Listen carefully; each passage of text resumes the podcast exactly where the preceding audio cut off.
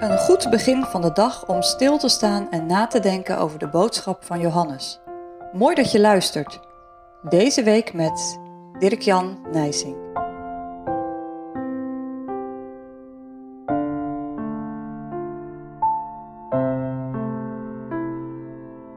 Geloof de leugen niet. Ik lees 1 Johannes 1, vers 8 en vers 10. Indien wij zeggen dat wij geen zonde hebben, zo verleiden wij onszelf. En de waarheid is in ons niet. En dan vers 10.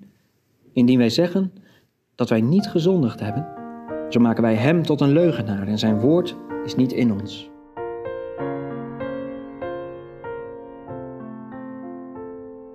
Geen idee wanneer jij naar deze podcast luistert. Misschien meteen als je wakker wordt of s'avonds als je gaat slapen. Misschien zit je op dit moment in de bus, de trein of op de fiets.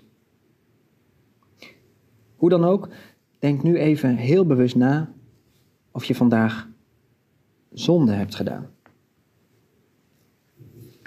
Best wel lastig, hè? Wat is zonde eigenlijk? Het is een woord waar je waarschijnlijk best wel vertrouwd mee bent. Het wordt vaak genoemd in een preek en misschien vraag jij wel in elk gebed om vergeving van je zonde. Maar heb je er ook een concreet beeld bij? Je kunt het makkelijk zeggen, ik ben een zondaar. Maar de vraag is of deze zin ook echt de juiste gevoelens in je opwekt.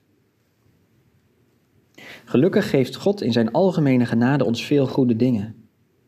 Als dat er niet zou zijn, zouden alle remmen losgaan en deze wereld onleefbaar worden. Zonde is namelijk een vernietigende kracht. Wie de zonde doet, wandelt niet in het licht. Maar wie de zonde ontkent, wandelt ook niet in het licht. Dan geloof je in een leugen. Sterker nog, dan maak je, zegt Johannes, God tot een leugenaar en is zijn woord niet in ons. God zegt van ons dat wij zonde hebben en zondigen. Ontken je dat, dan draai je het woord van God om. En blijkbaar waren er mensen in de christelijke gemeente in de tijd van Johannes die dit over zichzelf zeiden. Ze geloofden wel dat de zonde en het kwaad in de wereld is, maar als christenen waren zij hiervan verlost. Terecht dat Johannes dit punt oppakt. Want het raakt, daar zal ik morgen verder op ingaan, een heel belangrijk kernpunt van het christelijk geloof. Namelijk dat Jezus in de wereld gekomen is om de zonde te verzoenen. Bovendien wordt zonde dan een blinde vlek. Je ziet het wel bij anderen, maar niet bij jezelf. Terwijl deze christenen bijvoorbeeld wel voor oneenigheid en ruzie zorgden in de kerk. Ze hadden hun broeders en zusters niet lief. Nou, dat klopt volgens Johannes natuurlijk van geen kant. Er zijn nog steeds wel christenen die zeggen dat gelovigen niet meer zondigen.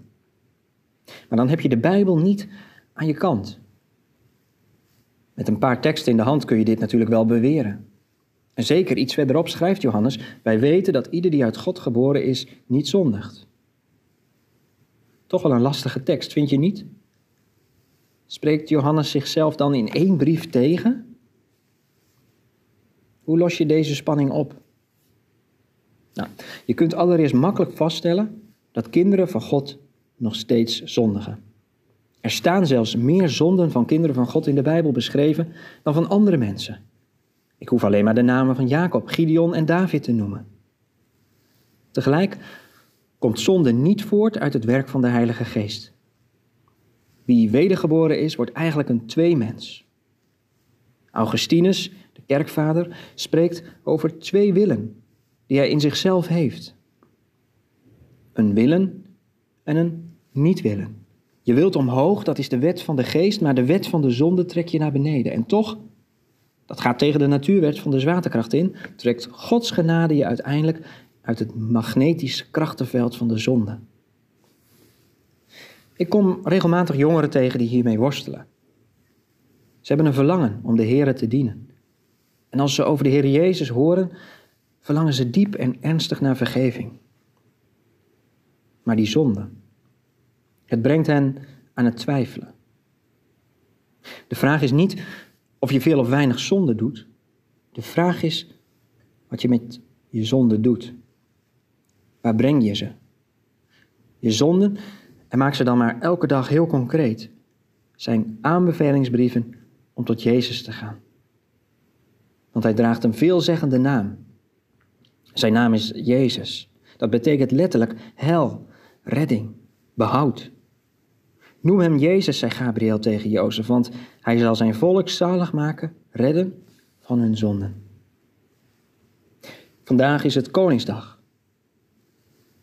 Willem-Alexander brengt een bezoek in een stad. Dan komt hij dicht bij de mensen. Je kunt hem zien. Je kunt hem aanraken op straat.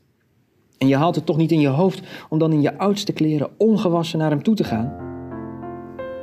Koning Jezus is altijd dichtbij. En bij hem kun je aankomen, stinkend en vies door je eigen zonden. Hij zal je niet wegsturen. Verzamel je boeltje en ga.